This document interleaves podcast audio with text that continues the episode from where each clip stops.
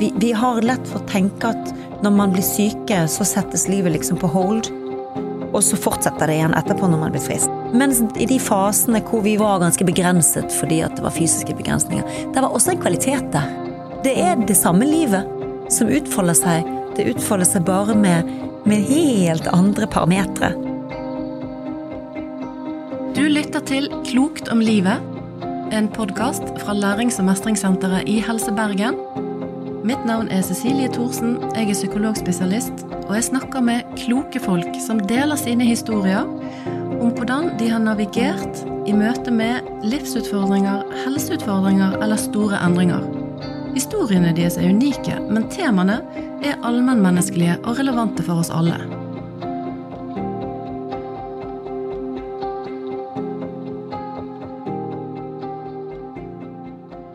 Artist, eh, skuespiller, komponist. Og i mine øyne popstjerne. For det var jo du eh, på den tiden når jeg på en måte oppdaget deg. Vi er født samme året. Er det det, ja? 1970, ja. Ja. Så, så du er jo en sånn popstjerne òg, som alltid har vært på den popstjernehimmelen. sant? Åh, Det er Caroline Krüger. Er. Hjertelig velkommen. veldig hyggelig å være her. Tusen takk for at du ville komme. Ja. Eh, Og nå introduserte jo jeg deg sånn som du vanligvis blir introdusert, sånn som artisten Caroline Krüger. Mm. Og så er det egentlig ikke derfor jeg har invitert deg i dag. Det, det er mennesket Caroline Krüger som jeg hadde lyst til å snakke med, rett og slett. Eh, og det er fordi du havnet på den Jeg har jo en sånn liste over kloke folk, som jeg kaller det. Som jeg av og til fanger opp, sier noe som jeg tenker at her er et klokt menneske som har noe å si til folk der ute, og som jeg får lyst til å få frem. Rett og slett. slett. fint. Så deilig å havne på en kloke folk-liste. Ja, du er på en kloke folk-liste. ja. Takk. Eh, og det er fordi når jeg har lest en del intervju med deg og hørt deg, så er du inne på eh, tema som, når du blir litt sånn personlig, som er veldig universelle og eksistensielle, og som er kjempeviktig for oss folk.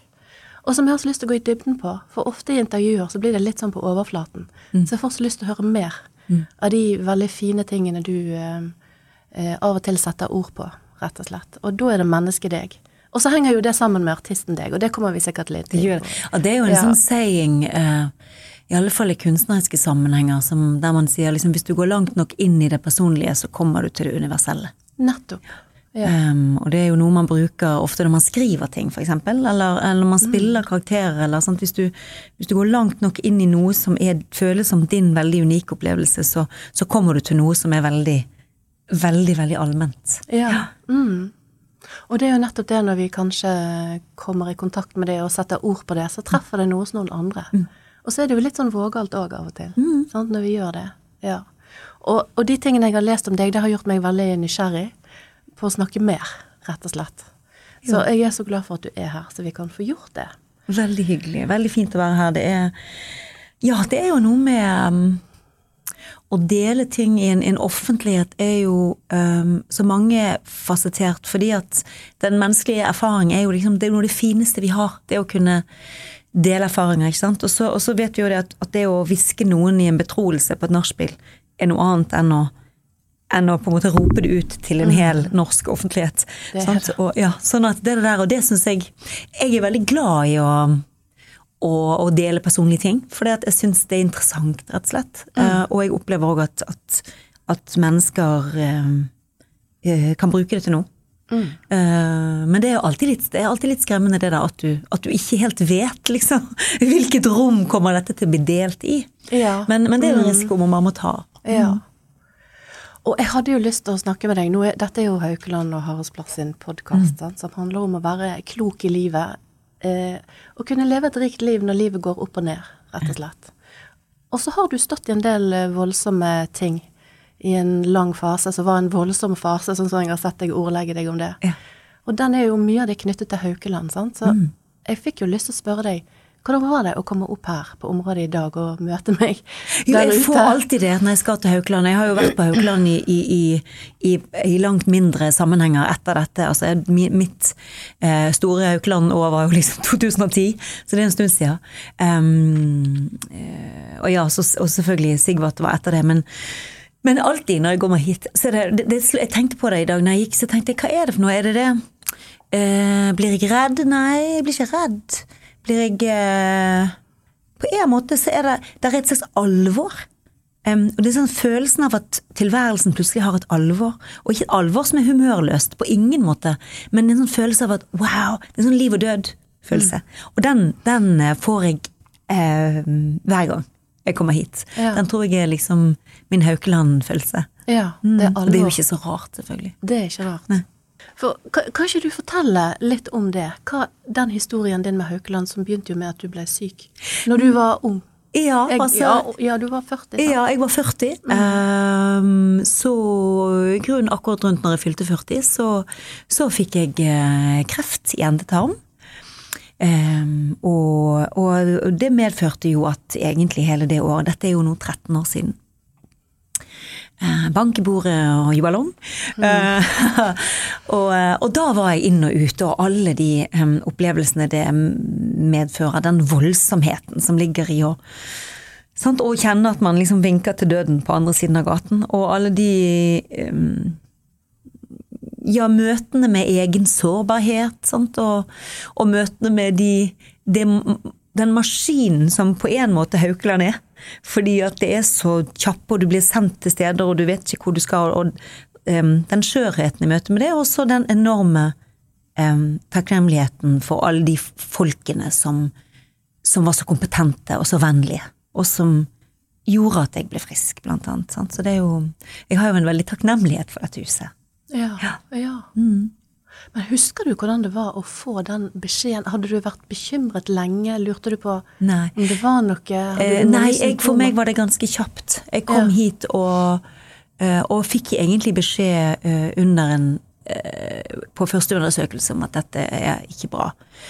Um, og um, husker at jeg kjørte hjem og, og satt i bilen og tenkte å nå, det er sikkert sånn yrkesskade, men, men jeg tenkte sånn, å, det står alle steder at når folk får sånne beskjeder, så ser verden helt annerledes ut. Så jeg må se på verden, ser verden annerledes ut? Er det liksom, er det det samme? Som om det skjedde veldig plutselig? Ja, ja, ja. Ja. Uh, og, og så husker jeg at jeg dro til jeg, jeg skjønte det at jeg må gi denne beskjeden, for jeg hadde jo barn som var små. Så jeg må gi denne beskjeden i, i etapper. Så jeg må dra til en venninne og sørge for at jentene er borte, sånn at jeg kan få snakke med Sigvart først. Og så. Sånn at det der, det husker jeg veldig godt. Ja, så dere, lagde, dere organiserte det litt? på en måte, Ja, så du sant. fikk samlet deg, og dere Ja. to fikk samlet Sant, dere så vi får først ta en liksom, vi må, vi må um, finne ut hvor vi er i dette, og så må vi eh, finne en plan for å fortelle det til de rundt som skal vite det. Um, og så var det ett år med stråling og operasjon og jo alt som hører med. Ja, for du var gjennom mange ledd i den behandlingen. At det var veldig alvorlig behandling og mange ledd i den. Ja, altså det er jo en alvorlig behandling. Det som, som, som er jo med sånne Med sånne perioder, opplever jeg, at du, du lager deg sånne Plutselig du bryter det ned i masse små etapper. Så først er det sånn, å, ok, du har en eh, De har funnet noe, liksom. Er det kreft, eller er det ikke kreft? Sant? Og så legger du alt inn i psyken på at det er ikke kreft. Men så får du beskjed om at det er kreft. Ok, da vet du det. Da er det sånn, er det, er det spredning eller ikke spredning? Og så legger du alt inn på at uh, det er ikke spredning. Og så var det ikke det. Uh, og det var jo fantastisk. Um, Enormt viktig beskjed å få. ja, og få den kjapt, sant? ikke minst. Ja, det er akkurat det. Og alle de der uh? Hvor viktig det er at når du vet at du skal få en telefon klokken tolv, så må du få den klokken tolv. Ja. Du må ikke gå til fire klokken fire. For da, um, og det husker jeg, den beskjeden når, jeg fikk den telefonen, for jeg hadde bedt om å få det på telefon, sånn at jeg ikke måtte komme ned. Uh, og da husker jeg han sa sånn 'sitter du?' og det, oh. sånn, å, det, er sånn, det er sånn som de sier på film. Det er sikkert uh, dra, dramatiske kunstneren i meg som, som leser alt som sånn film. Men, men, men jeg husker han sa 'sitter du?' og, og så sier han at dette, dette er ikke dette er ikke bra. Dette var når jeg fikk beskjed om at det, det var krefter. Og så gikk altså flyalarmen, for det var klokken tolv på en tirsdag. Sånn at i det øyeblikket han sa det, så Oi. Og det var helt, helt absurd. Nesten sånn klokkene ringer ja, for deg. ja, klokkene Ja. Alarmen hylte for meg. Ja, det gjorde han jo. Hmm. Så det var um, Det var også um, Husker du hvordan du reagerte? Nå begynner det å bli en stund siden, men det sitter sikkert ganske sterkt. Eller er det nesten visket ut, eller hvordan Nei, det sitter veldig sterkt. Ja. Eh, og jeg har nok en legning for at når noe blir veldig alvorlig, så blir jeg veldig klar. Ah, ja. Jeg blir veldig rolig og veldig sånn ok. Mm. La, altså jeg kan være veldig dramatisk hvis jeg ikke finner bilnøkler når jeg har det travelt. Altså veldig, ja, mye greier liksom på sånne ting, men, men på sånne helt alvorlige så er det bare sånn ok, hvor er vi? Hva skjer?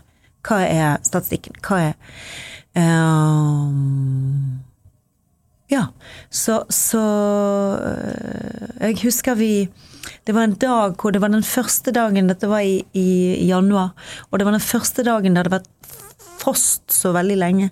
Så den første dagen det var klarsignal om at du hadde lov å gå på Tveitevannet. Vi bor nært Årdnum på Tveitevannet. Oh, ja. Mm. Så vi bestemte oss med en gang vi hadde fått den beskjeden, så gikk vi ned, og så gikk vi ned, og så gikk vi ut på Tveitevannet. Mm. Um, og det var sånn fint bilde på å plutselig bare tenke ok, nå ser jeg verden med et helt nytt blikk. Mm. Jeg ser en helt annen Jeg har et annet perspektiv på akkurat det samme. Ja. Hmm. Um, og så tenkte vi dette klarer vi. Dette går fint. Det er mange gode hjelpere her, og det er mange Vi på en måte kan ikke velge frykten før vi virkelig ser at det er eh, At den er helt reell. Vi kan ikke oppsøke den. Nei. Det er jo en kunst. Det er virkelig. Og ikke la den få tak. Ja. Sant? ja. For det er jo fort gjort, tenker ja jeg. da, det er det. Å Og, bli overveldet av uh, redsel, rett og slett. Mm. Og jeg var veldig heldig på den måten at jeg hadde brukt halvåret før, altså høsten 09, på å fordype meg i en del bøker av en um, uh, smart og klok og inspirerende uh, sånn uh, Hva skal man si, da? Han er vel en slags spirituell lærer, egentlig. Eckhart Tolle.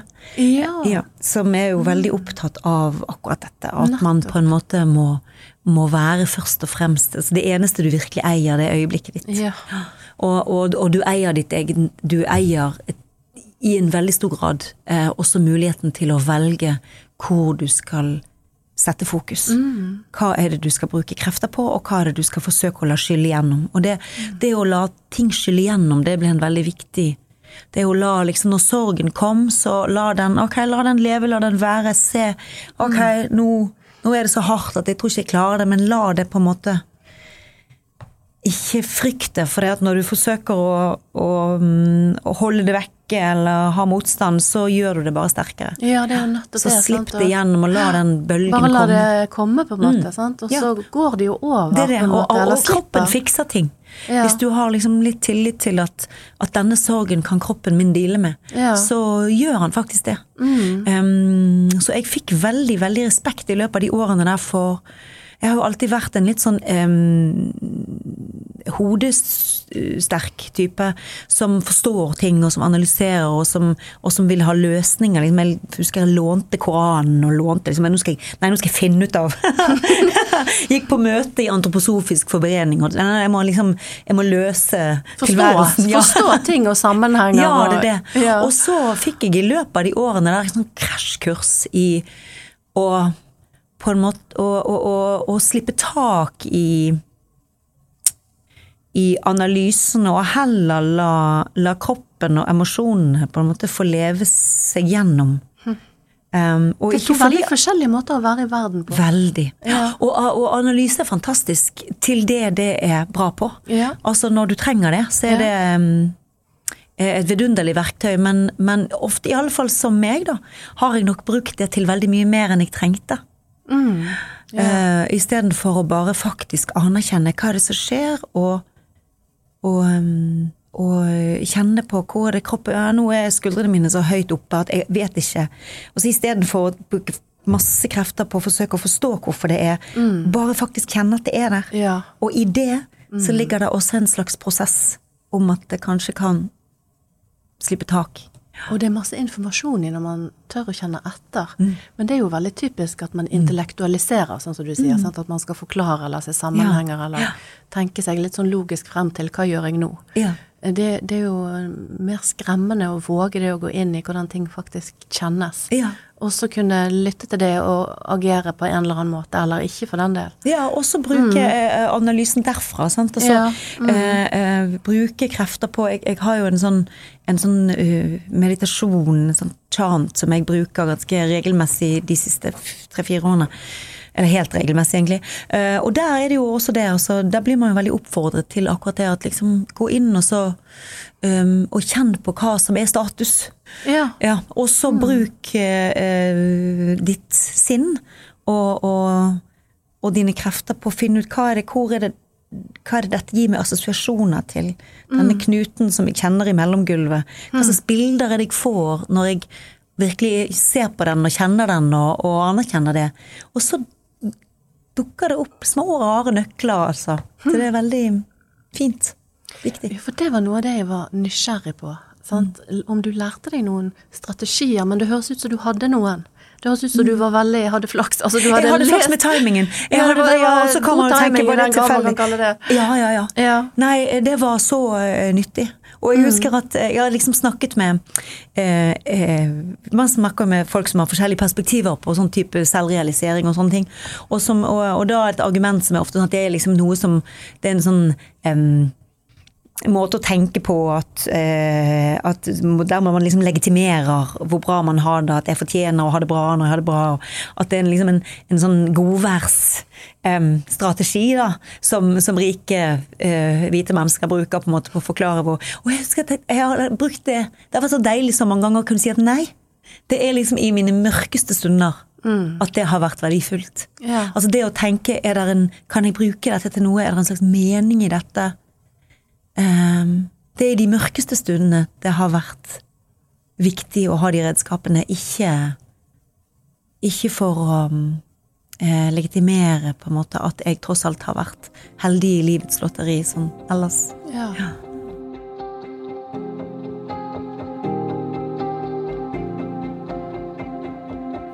Så de strategiene Man, man snakker jo så mye om mestring, på en måte. Eh, men du har hatt et uttrykk som jeg liker bedre. For det mestringsordet det høres ut som at nå, skal, nå har jeg fått en sykdom, og nå skal jeg være en flink Ja. pasient eller et flinkt menneske som Ja skal nå fikse dette. Og hvis ikke du mestrer det, så mestrer ikke du det heller. Nei. Men du har et uttrykk som jeg syns er så fint, det engelske uttrykket. Som Ja. Vi har snakket om. Vil du si det, eller skal jeg si det? Dette Er det rise to the occasion? Ja. ja. Ja. Hva legger du i det? Eh, Rise to the occasion. Altså, ja, før jeg sier noe om det, så, så må jeg bare si at det, det der er så enig i. Altså den derre b- utfordringen med en sånn selv um, utviklingstanke, altså den tanken om at du sjøl kan eie dine egne valg og ditt Ja. eget fokus. Og, um, utfordringen med det er akkurat det du sier, at, at på et eller annet punkt så blir vi liksom ansvarlige for vår egen lykke. Ja. Og det er ganger i livet hvor du kjenner at det makter jeg ikke. Nei, jeg må falle inn i smerten av å kjenne at jeg er maktesløs. Ja. Mm. Eh, Og det tror jeg er enormt viktig å ha som, som et side eh, Som et sånn Ha i sideblikket. Ja. Mm. At vi har både mye mer kraft og, og, og power, som det sies på, på engelsk. Altså mye mer muligheter enn vi tror. Men, men noe, vi kommer også til punkter hvor vi kjenner at nå må jeg rett og slett eh, falle det igjen, altså engelsk. Det er jo et, det er et spirituelt fint språk. Altså trustfall. Ja. Det å, å falle inn i armene til de som er rundt, eller noe som er større, eller hva det er, fordi at, at det er bare for, um, for krevende, dette. Ja. Um, Det blir litt sånn- for lett å tenke at man skal fikse alt eller Ja. mestre alt Ja, eller ja, takle alt. Sant? For Det i det. perioder så gjør vi egentlig jo ikke Nei, det. og det er jo et stort, stort mysterium. Altså Hele dette livet er jo det. Sånn at, at det å, å tenke at vi skal sitte oppe i Fantoftossen og ha en slags digital oversikt over alle metoder, altså det er på en måte Men, men jeg syns det er veldig spennende å være på reisen av å kjenne hva er det jeg kan Hva slags verktøy er det jeg kan bruke? Hva slags um, uh, I denne elven jeg er på, hva slags mm. flytende stokker er det som kommer nedover som jeg virkelig kan kaste meg på, som gjør at jeg får mye mer fart Ja. og mye mer retning i, eh, i flyten, da. Ja, Eh, og det- kanskje det noe som holder deg litt flytende. Så Ja, ikke man går absolutt, når du trenger det. Absolutt. Ja. Mm. Eh, Men sånn som til, til det du sier, altså rise to the occasion, det syns Ja. jeg å, det er så vakkert. Det, det å Ja, det syns jeg var veldig fint. Mm. At det er liksom ganger i livet hvor, hvor man plutselig ser at nå må jeg faktisk strekke meg utover det jeg trodde var mulig. Mm. Um, og, det har, og, og også arbeidsmessig for meg. Ja. Altså det å Ja. Ops, denne oppgaven kjenner jeg jeg blir svett i håndflatene og, Ja. eh, og tørr i bihullet av å tenke på. Så, så, men, men akkurat det å liksom, ok, rise to the occasion. Og det det er noe med at det flytter litt fokus Ja. ut av deg. Det er ikke liksom 'Å, hva skal jeg', og 'nå må jeg klare', og 'nå må jeg Men det er litt sånn 'Her er en oppgave'. Ja. Uh, den må jeg um, Jeg må bidra her. Jeg Mm. må være verdig det. Jeg blir Nei, Og så er det litt sånn eh, å bli en aktør òg. Sånn at ikke man gir seg over helt. Altså Av og til må man gi seg over. Men at man ikke blir et sånn offer. Eh, at det var bare dumt det ble sånn, men at det, det, man kan gjøre noe sjøl på en eller annen måte. Ja, ja, ja. Sant, Og om ikke annet så kan du anerkjenne at dette var drita teit, og jeg skal aldri mer gjøre det igjen. Ja. Altså, om ikke annet, liksom. Så er jo det på en måte en slags Jeg tenker det er jo også en slags mulighet for vekst, da. Ja, det kan du si. Men apropos mulighet for vekst, jeg, jeg viser ofte til Søren Kirkegård i disse episodene, og det blir kanskje de som hører på møkkaleie, men jeg blir ikke lei av det, så jeg har tenkt å fortsette med det. Men jeg skal ikke gå så veldig inn i det. Men, men han er jo veldig opptatt av at det er Han er, kalles eksistensialismens far. Ja. Eh, levde på 1800-tallet. Eh, og han er opptatt av at eh, fortvilelse er en viktig ting. Og at fortvilelse Du har ikke noe å skryte av hvis ikke du har vært skikkelig fortvilet. Nei. Og at gjennom fortvilelse så er det egentlig da vi ikke bare vokser som mennesker, men kanskje både finner oss sjøl og nesten velger oss sjøl litt. grann. Ja, det er litt sånn at han mener at det er en sånn Det er eh, Altså at krisen er nødvendig for å Ja. på en måte knekkes knekkes inn i ny Ja. Ja.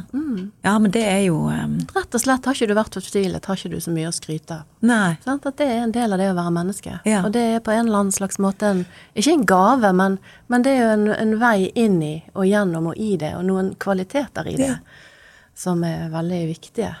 Ja, og det, det har også eh, også så slått meg eh, mange ganger, både egentlig privat, men også profesjonelt. Altså mm, når jeg tenker når, når jeg både eh, eh, i mitt eget arbeid og når jeg ser andre arbeide, så, så slår det meg ofte at jeg trenger å se det er Jeg trenger å se din, din fryd, altså ditt alvor, eh, og din fryd over å gjøre det, men jeg trenger også å se smerten din. Altså at det ligger igjen dette alvoret som vi snakket om om å komme til Haukeland. Altså det er en sånn Den erkjennelsen av Um, Av hvor stor For det er jo et enormt stort prosjekt, dette å være i livet. Og det er vanskelig å være i livet. Rett og slett. Altså det er, det er helt fantastisk. Og det er utrolig utmattende. Um, fordi at det er så mye vi skal deale med. Ja. Og, og, og det å å anerkjenne altså jeg ser at jeg ser en sånn scenisk at det å anerkjenne smerten som en del av livsprosjektet er så viktig. Ja. For hvis ikke så blir vi liggende liksom fra brystkassen opp. Ja. Eh, og det er gjennom gjennom det at vi uh, Ja, altså, jeg, jeg stiller meg helt bak. Jeg godeste Kirkegård. at, vi, at det er liksom mulighet for Ja, for nye, nye erkjennelser. Og det å også respektere, det har også slått meg, det å, å faktisk respektere andre menneskers rett til smerte. ja. Det har av og til slått meg jeg, hvis jeg snakker med noen venner eller en familie eller, som er dypt fortvilet. Altså det å tenke at jeg skal ikke gå inn og fortelle de nei, det var sikkert ikke sånn. Det var sikkert Eller ta det vekk på en ja, måte, ja, eller litt sånn sant? Altså, ja. Men å på en måte respektere deres rett til å gå gjennom denne opplevelsen, sånn at de kan finne et fotfeste som er enda litt bedre fundert. ja. Mm. Um, Du sa noe til meg når vi snakket sammen litt i forkant, som du hadde lyst til å sette ord på, dette med at det kan være noen kvaliteter i det. Husker du det? Kan ikke du utdype det? Ja, eh, det, det har jeg tenkt jeg på mye. De, det var liksom de årene vi, vi var eh, inn og ut av Haukeland. Um, så slo det meg at det er Altså i denne liksom, tilværelsen som tross alt er ganske sånn preget av at vi At en av oss er syk eller øh, er i en sykeseng eller noe sånt. Altså, tilværelsen vår er på en måte ganske forminsket i forhold til hva den egentlig ville vært, hva vi ville brukt krefter på, eller hva Ja. vi Så, så slo det meg at det er, liksom, det er noen kvaliteter i dette som er noe helt eget. Altså det å være et sted hvor du for eksempel em, er hjemme og tenker jeg må enten uh, lage meg en, gå og lage meg en kopp kaffe, eller gå i stuen og sette meg og uh, ta opp avisen og lese, fordi at begge deler blir for um, Og så, nå skal det jo sies at dette er jo selvfølgelig i lys av at jeg er bedre, for det sånn ville jeg ikke hatt det hele tiden.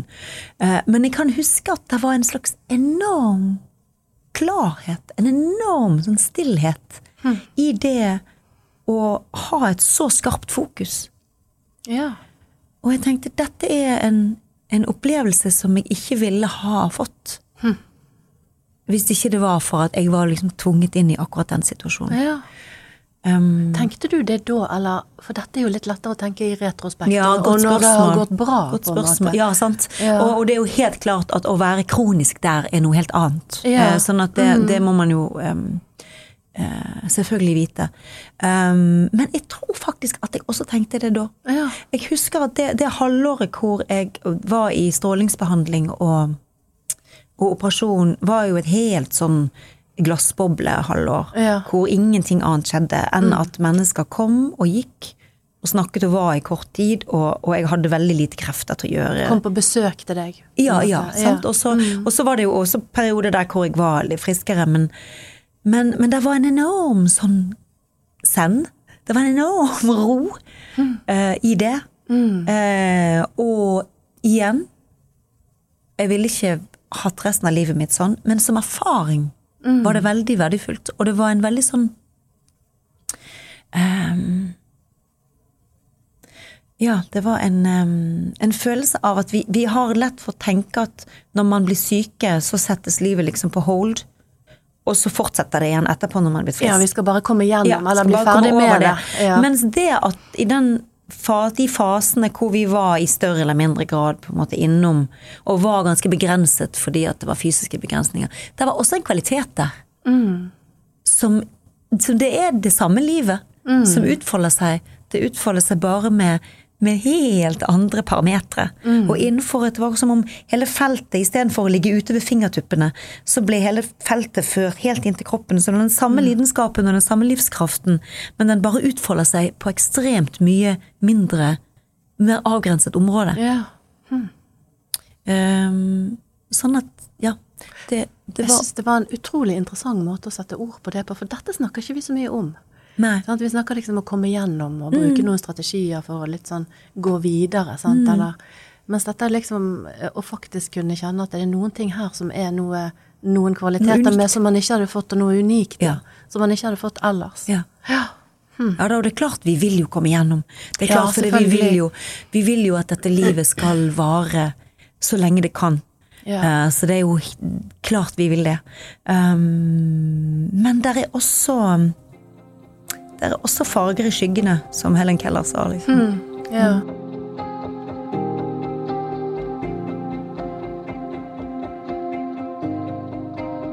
Det er jo et før og etter. Altså, livet mitt er før og etter. ja, er det det? Ja, ja, for det, for det hadde jeg lyst til å spørre deg om, som Det er det. eh, Marie sier Så noe så- har jo satt i. Ja, for Ja. Det, det er liksom, en tenker av og til at å, nå har jeg kommet gjennom dette, og ting blir aldri annerledes, og dette skal jeg virkelig Ja. huske, eller fra nå av blir alt annerledes. Og så for noen så varer det en stund, mens for noen så varer noen stund, og noe blir veldig annerledes. Hvordan var det for deg? Eh, For meg så tror jeg nok at jeg sluttet å være redd for en del ting. Ja. Jeg tror det var fordi at jeg tenkte Og det var så voldsomt. Og så samtidig så var gleden over å oppleve alle de gangene jeg kunne liksom falle inn i andre menneskers enten vennlighet eller kompetanse eller Jeg tror jeg, uten, at, uten å ha vært klar over det, så tror jeg nok jeg har vært en veldig sånn, hatt en veldig idé om at jeg skal klare meg sjøl i verden, og jeg skal være, jeg skal være min egen, og jeg skal, um, jeg skal få ting til, og jeg har et sterkt hode, og det kan jeg bruke til å Og så plutselig så, så kommer jeg i denne situasjonen hvor alle krykkene mine er bare tatt fra meg. Og så kjenner jeg en oppriktig glede og takknemlighet over at ja, men der er Det reiser seg en slags bølge av av vennlighet og kompetanse, av folk som sier 'we got this', 'we got you'. Ja. Eh, Hvem var sa det til deg? Nei, det var bare en, en, det var en følelse jeg hadde. var en følelse, Ja, det var en følelse, ja. og jeg husker den helt sånn konkret når jeg, jeg røk inn for noen sånn tarmslyng-greier på Så jeg husker um, oppe i Levanger, og, eh, og det var liksom voldsomt og veldig hektisk.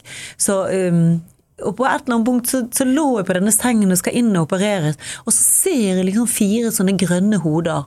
Som, for de, de er jo sånn tildekket med sånn grønt. Og jeg husker bare jeg tenkte sånn Jeg gir meg. Dere tar det herfra. Og de bare vi tar det herfra. Og det var en slags sånn high five i, Ja. i, high five i bånn, på en måte. Ja. Someone's got this. Ja, someone's Ja. got you.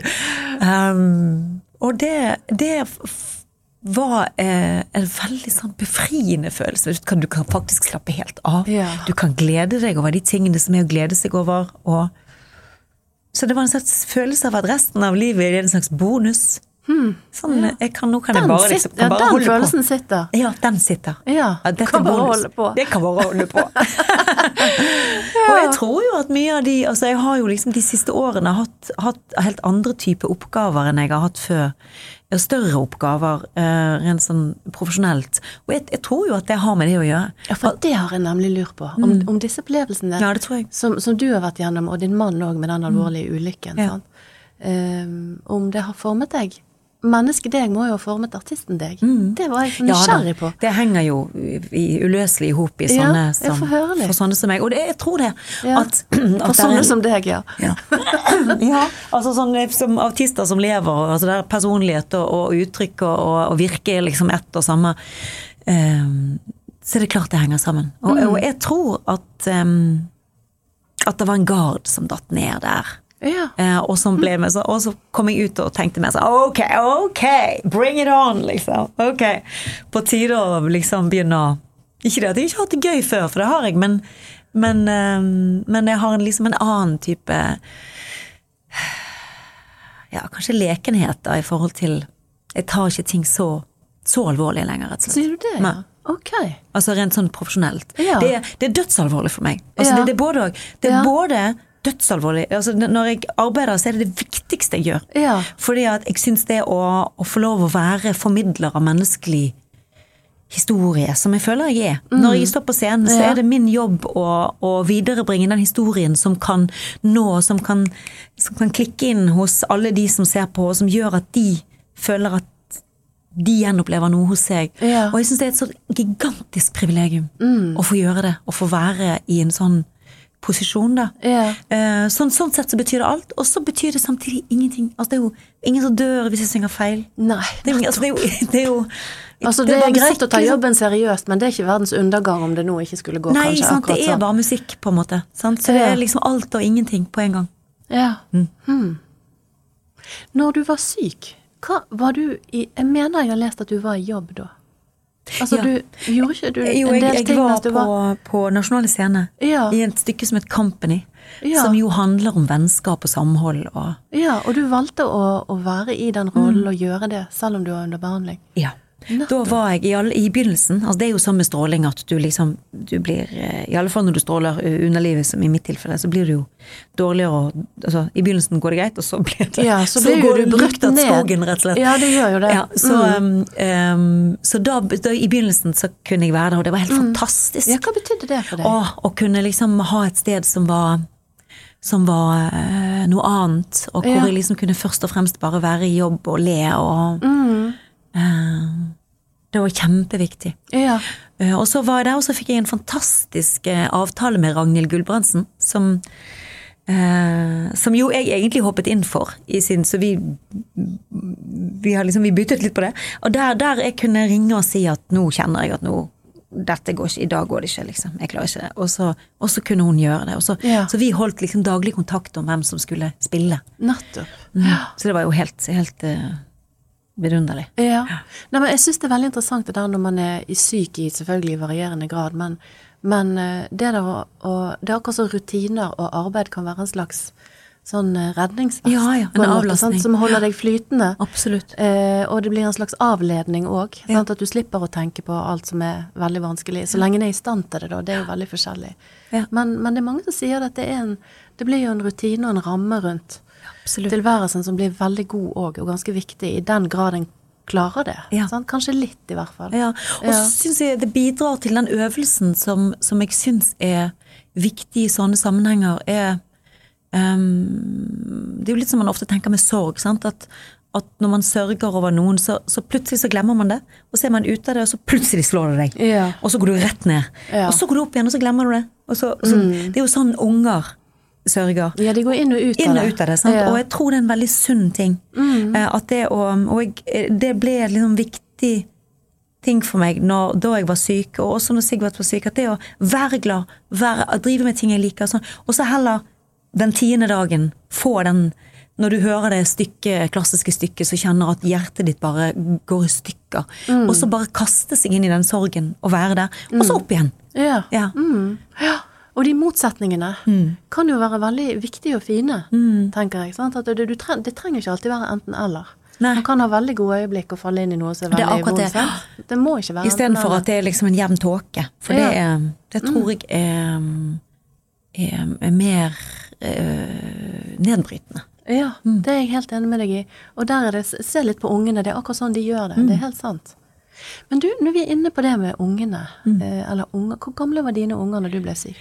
Mine var, var Skal vi se, dette vet jeg jo egentlig. Um, Tenke, tenke. Ja, de var eh, tolv og åtte. Ja. ja. Egentlig ganske små. Mm. Hmm. Husker du hvordan eh, dere valgte å være åpne med de når dere bare hadde samlet dere litt? Ja. Ja. Um, ja, det var vi jo selvfølgelig. Um, og vi kalte det for tverk, husker jeg. Altså vi baklengs. For vi, det, det var liksom litt mindre skummelt enn å, enn å kalle det kreft. Uh, men men um, uh, vi, vi var nok Der var det liksom noe som jeg tenker ok, det ville jeg gjort om igjen. Um, det var mye vi gjorde rett, men, men det å, å skjønne at fordi at vi var såpass artikulert, og vi snakket om det, og vi var egentlig ganske lyse til sinns, Sigvart og meg, med tanke på um, hvordan vi tenker at dette skal gå. Ja. Så vi hadde en slags, tror jeg, tror vi tenkte at, at dette smitter over på de. Ja. Sant? Og, og da er de også, da har de også det fint, for de kjenner at vi har det fint i vår gruppe.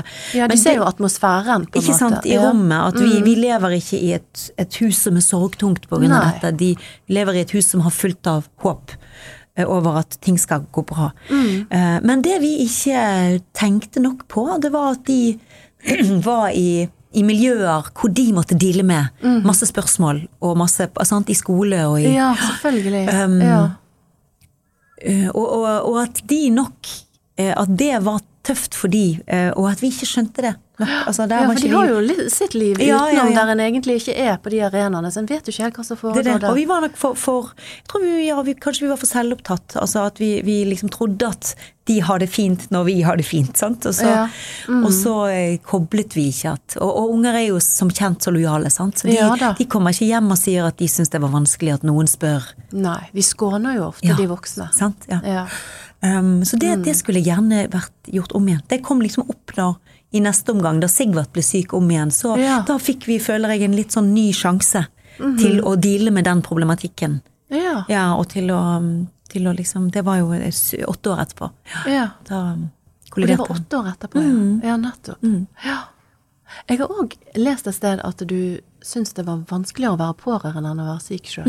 Ja, hvorfor det, lurte jeg veldig på. Jeg så liksom overskriften og tenkte ja, men hva var det? Jeg tror det var fordi at eh, Det kan være at jeg er mer enn vanlig eh, opptatt av, eller ja, jeg liker da godt å forstå liksom hva som er rollen min her. Hvis jeg bare skjønner ok, min rolle i denne sammenhengen er det, da skjønner jeg hva jeg skal gjøre. Ikke sant? Um, og når du er syk, så er på en måte rollen veldig tydelig. Altså Den kan være smertefull, men den er ganske tydelig fordi at du skal bli frisk. Ja. Og du skal ta imot det som kommer av gode ting, og du skal bruke fokuset ditt på å selvfølgelig være, være vennlig, og være, men du skal liksom Alt fokuset handler om at du skal bli bra igjen. Eh, mens å være pårørende er på en måte å stå i konstant sidevind. Ja. Eh, Sant? Altså, fordi at, at det er så du, du er rammet av noe som selvfølgelig preger deg Ja. i så stor grad også. Ja. Uh, og så samtidig så er det egentlig ikke deg det er synd på. Nei. Eh, og det vet det, du. Og så er det jo litt synd på en òg. Ja, det er veldig krevende å være pårørende. Og, Og det, er masse, og det det. er masse, masse små, um, små, små og store detaljer som du skal forsøke å løse, og samtidig så skal du være den som holder motet oppe. Og så, Ja. skal du, så jeg har fått så respekt Ja. for de som, som står i det Ja. Mm. i en konstant. Som en konstant. Altså Um, og jeg tenker òg altså, i, i, i den eldreomsorgen som vi på en måte nå ser konturene av, hvor, hvor vi flytter um, Vi har liksom gått fra at, at folk skal bli eldre på eldresenter, til at folk skal få lov å bli gamle hjemme. Unnskyld. Og det, og det er en fin tanke, tror jeg, men det er et gap der. eh, som handler om at det er noen andre som da bærer en byrde. Det er det. Ja. Ja. Eh, Og det har ikke vi sett ennå. Og, og, og vi har hen, det er noe der på en måte løsninger som handler om type hjemmehjelper som kommer til faste tider og sånn. Um, og det er, er, er fint i seg sjøl, men det er, en, en, det er en, et stor sult og et stort behov der ute, og en, en stor mengde mennesker som er så slitne. Um, fordi at eh, de har måttet omrokere livene sine så totalt. Ja. For å ivareta de som de er glad i, og de som de ønsker mest av alt skal ha det godt. Eh, og der, er det, der må det skje noe eh, i de nærmeste årene.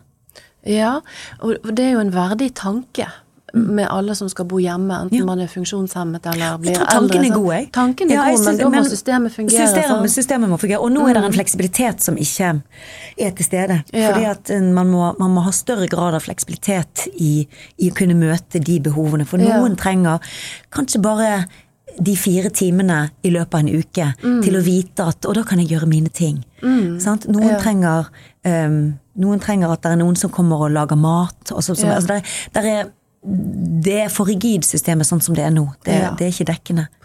Ja, og det, å, og det å sette ord på at det faktisk er givende, men òg ekstremt krevende å være i den pårørenderollen, det tenker jeg er veldig viktig. Vi har laget en episode om akkurat det, faktisk. Mm. For det er på en måte et regnskap som ikke går opp.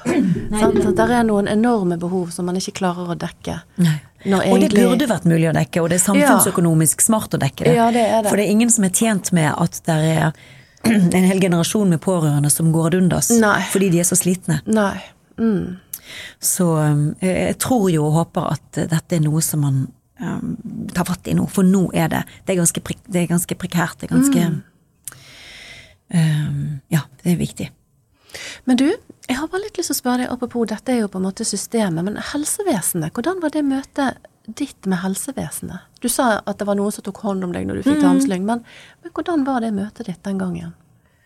Når du ble syk, da? Hvis det er det vi har snakket mest om. Ja.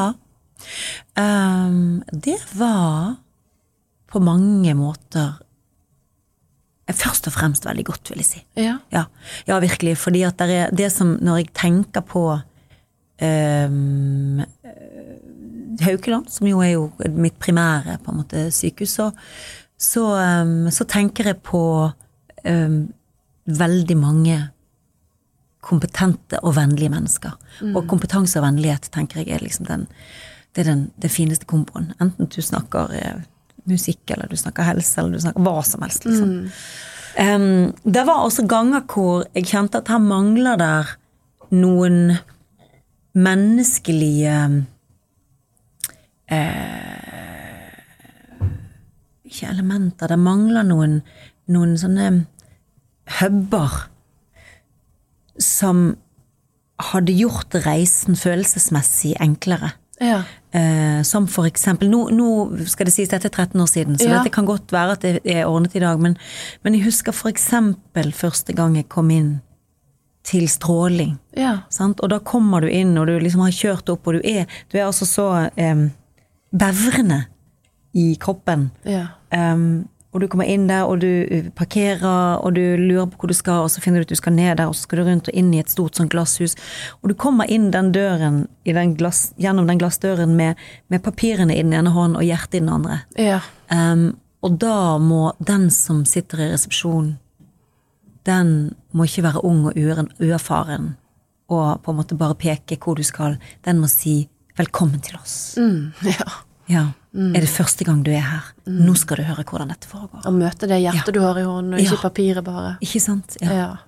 Ja. Um, sånne ting Ja. er kolossalt viktig. Jeg husker hvordan det. kreftlegen um, Dikko, som jeg hadde, som jeg er så glad i, og han hadde altså en sånn um, en sånn navnelapp på skjorten sin med en barnetegning på. Og hvordan jeg alltid satt og så på den barnetegningen. Ja. Fordi at det minnet meg om noe Det var noe menneskelig i det. det, var noe, det var noe som smakte av liksom om liv og lek og Mm. I alt dette alvoret som egentlig bare handler om blodprøver og, Mm. eh, og CRP-er og, og En er jo så ekstremt sårbar. Ja. Sant? Ja, ja. Eh, Og det er så viktig å bli møtt med, med bare det at en er et menneske. Med, med blikk og med en viss varme, og ikke bare som en sånn nummer 'ja, nå er det snart din tur', eller 'sett deg der'. Sant? ikke sant? Og det, Ja. og det er så mange som er gode på det. Ja, eh, altså, er jeg det. Mm. møtte veldig mye, men, men rent sånn strukturelt så tenker jeg sånn Å, jeg skulle ønske jeg hadde ett menneske som jeg bare kunne ringe til og si 'Hvor er jeg hen i nå?' Når jeg, Mm. Ja. nå har jeg fått en innkalling til sånn ultralyd for sånne greier. Ja. Lever. Har de funnet noe, eller vet en standardting? Eller hva er greia? Noen jeg kunne ringe til og si 'Ja, nei, nå skal du høre. Du er der i løpet'. Ja. Sant? Eh, nå har du vært sånn. Så skal du En som ikke først og fremst er, er eh, hadde på en måte eh, medisinsk oversikt, Ja. men som kunne bare møte meg i, i den delen av prosessen jeg var. Det hadde jeg ønsket meg.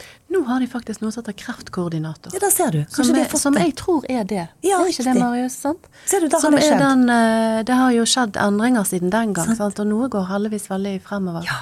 Som, som delvis har den rollen der. Ja, men så fint. Å Ja, men følge opp og kommet. koordinere, sant? Ja. for det er jo kjempevanskelig. Å oh, ja, og det er så Ja. mye, det er så mye og så er det så mange på. å forholde seg til, sant? Mm. Ja. Og at noen kunne si nå For det merket man jo veldig, sant, da, at, at, at hver del var først og fremst Hver, hver lege du møtte, Mm. hadde først og fremst oversikt over sin del. Og det er jo akkurat den form for nerdekompetanse man vil at han skal ha. Ja, er Vi trenger de der nerdene som det er kjempegode. Definitivt, Ja, takk og lov. Men, men det er så fint. Da har det, da har det kommet noen som, som kan liksom være liksom følgesvenn Ja, ja, det er faktisk en rolle som er ganske ny. Ja. Gud.